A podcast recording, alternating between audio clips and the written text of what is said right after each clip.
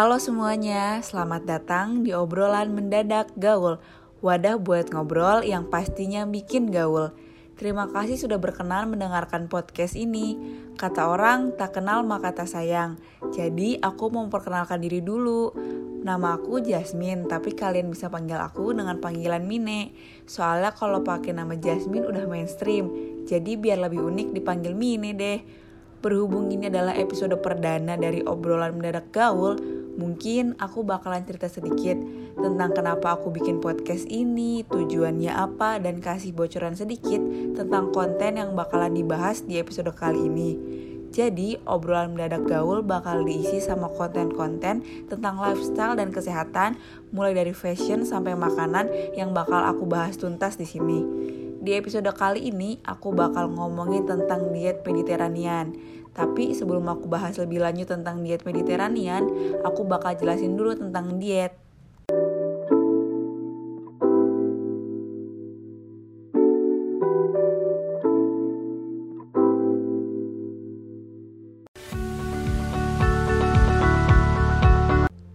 Menurut kamu, apa sih arti diet? Terus, kenapa kamu mau diet? Pastinya jawaban setiap orang beda-beda. Tapi kebanyakan orang pasti berpikir kalau diet itu cuma berguna buat nurunin berat badan.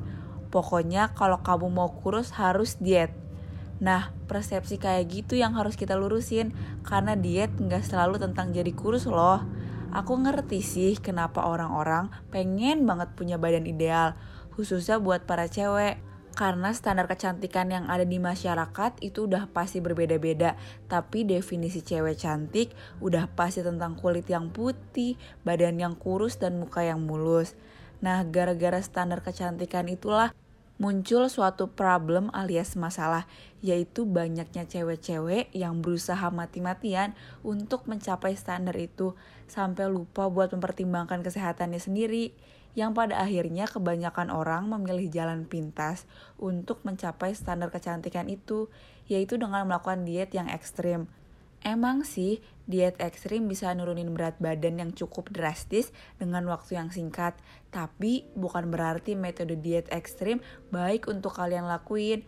Banyak banget bahaya yang bakal kalian rasain kalau kalian tetap maksain untuk ngelakuin diet ekstrim mulai dari badan yang lemes, sakit kepala, sesak nafas, dan bisa juga menyebabkan kematian. Serem banget kan bahayanya?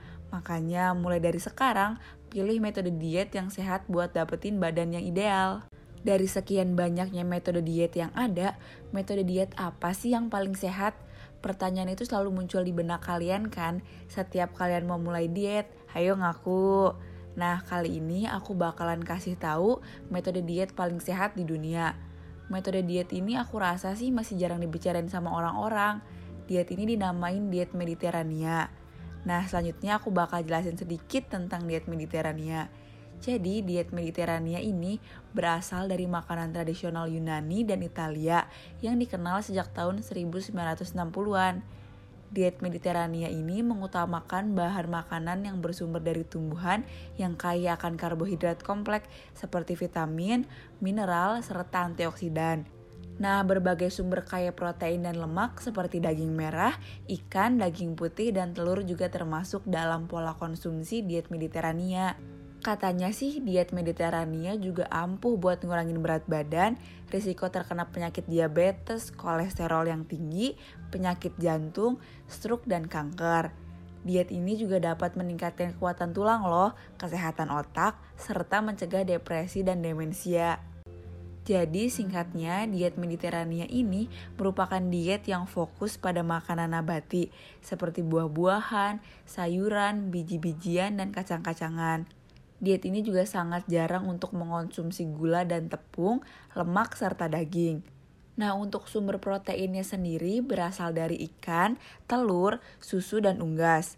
Ada yang penasaran gak nih, kalau lagi diet Mediterania, apa iya boleh makan nasi? Jawabannya, boleh dong. Karena yang paling penting dari diet ini adalah aktivitas fisiknya.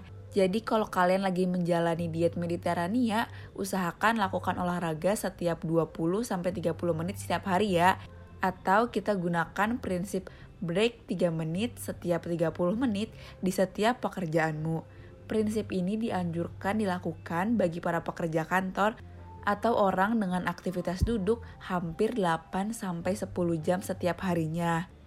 Contoh yang dapat dilakukan yaitu dengan melakukan peregangan selama 3 menit setiap 30 menit seperti berjalan di sekitar ruangan kerja atau lakukan kebiasaan untuk memparkir kendaraan jauh dari tempat atau pintu masuk kerja.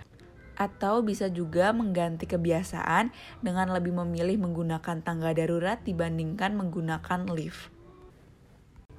Nah, buat kamu yang mau coba diet Mediterania, aku pengen deh berbagi menu yang bisa kamu cobain atau kamu bikin sendiri nih di rumah.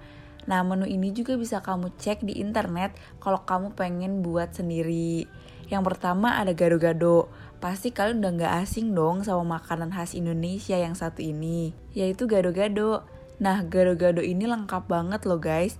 Selain rasanya yang enak, di dalamnya juga udah terdapat beragam sayuran yang direbus yang pastinya mengandung banyak vitamin dan diberi bumbu dari kacang tanah serta diberi tambahan sumber protein seperti telur rebus. Lengkap banget kan guys gado-gado ini? Terus untuk menu yang kedua ada lotek nih guys. Siapa nih yang suka lotek? Kalau aku sih suka banget ya. Lotek ini kurang lebih kayak gado-gado sih guys. Cuma perbedaannya ada pada bahan-bahan untuk saus kacang, serta biasanya tidak diberi tambahan telur rebus. Terus selain gado-gado sama lotek, rujak juga bisa jadi salah satu menu buat diet Mediterania loh. Wih enak banget ya, ngebayanginnya sih siang-siang makan rujak, dicocol sambal, asem-asem, pedes seger gimana gitu ya gak sih? Sebenarnya masih banyak lagi guys menu diet yang bisa kamu coba. Ada bubur Manado, sate ayam, ayam betutu, dan yang lainnya. Jadi jangan kira kalau kalian lagi diet cuma bisa makan sayur aja. Makan yang lain juga bisa kok, tergantung gimana cara kita atur waktu makan kita. Kalau aku tadi udah jelasin tentang diet Mediterania, sekarang aku bakal kasih tahu ke kalian apa aja sih manfaat yang didapetin dari melakukan diet Mediterania ini. Yang pertama, pastinya ngebantu banget buat nurunin berat badan karena asupan makanan yang banyak dikonsumsi pada diet Mediterania ini juga umumnya mengandung rendah kalori, sehingga baik untuk mengontrol berat badan. Diet Mediterania juga membantu mengurangi resiko terkena penyakit kanker seperti penyakit kanker payudara dan kanker kolorektal. Alasannya adalah karena diet Mediterania kaya akan asupan buah, sayuran, dan biji-bijian yang tinggi, sehingga baik untuk kesehatan dan mampu mencegah penyakit kanker. Banyak penelitian yang menunjukkan bahwa orang yang melakukan diet Mediterania lebih kecil kemungkinannya untuk terkena stroke. Nah, efek ini diduga karena diet Mediterania dapat menurunkan kadar kolesterol dan menambah asupan antioksidan. Coba sekarang tanya ke diri kamu, kenapa sih kamu mau diet?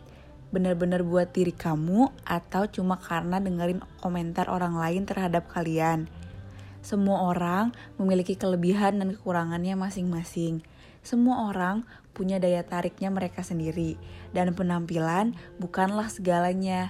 Meskipun banyak orang yang mengatakan dunia pasti akan lebih baik kepada orang yang berpenampilan cantik ataupun tampan itu semua adalah hal yang salah. Rasa percaya diri yang kuat akan mematahkan semua pendapat seperti itu.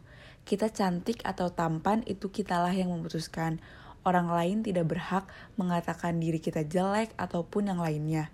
Selagi dirimu sendiri tidak merasa demikian, maka kamu juga berhak menunjukkan rasa percaya dirimu untuk melawan komentar orang lain.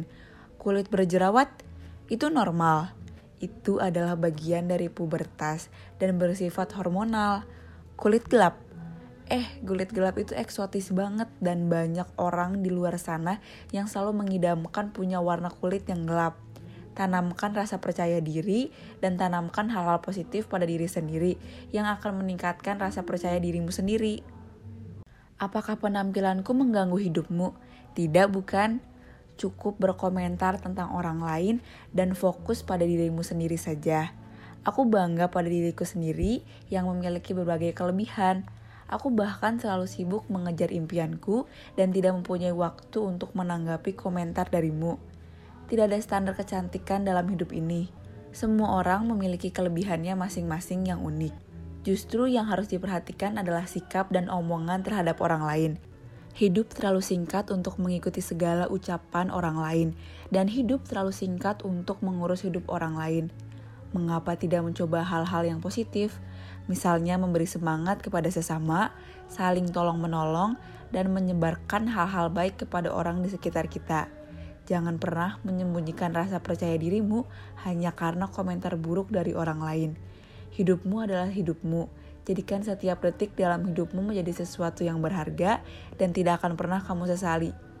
Menurut kamu, apakah ada tujuan hidup yang lebih tinggi daripada bahagia? Percuma punya banyak uang kalau hidupnya tidak bahagia dan sering sakit-sakitan. Menurut aku, setiap orang punya caranya masing-masing untuk menjadi bahagia.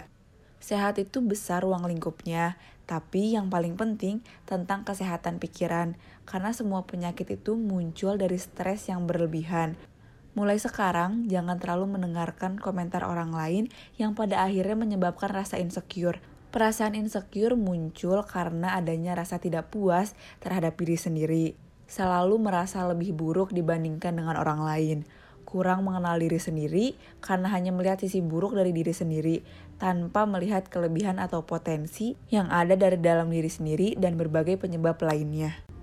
Nah, jadi bagi kalian yang pengen mulai diet, diet itu tuh harus dari diri sendiri. Jangan kalian mulai diet karena dengerin komentar orang lain. Kan kalau niatnya dari diri sendiri, ngejalanin dietnya juga jadi lebih nyaman dan kalian bisa lebih menikmati proses dari diet itu sendiri. Beda halnya kalau misalkan kalian ngejalanin dietnya atau mulai diet karena pengen ngebuktiin ke orang lain bahwa perkataan mereka itu salah. Ujung-ujungnya kalian bakal berat sendiri karena kalian merasa terbebani. Nah, beban itu yang bakal bikin kalian selalu pengen dapetin hasilnya secara instan dan cepet-cepet. So, buat kalian yang baru mau mulai atau yang udah ngejalanin diet, semangat terus ya. Kalau kita ngejalaninnya dengan sabar, hasil yang didapat juga pasti memuaskan. Dan jangan lupa tetap jaga kesehatan ya, supaya dietnya juga sehat dan gak bikin kamu sakit. Udah deh segitu dulu cerita di episode pertama ini. Sampai ketemu di obrolan mendadak gaul minggu depan. Bye-bye.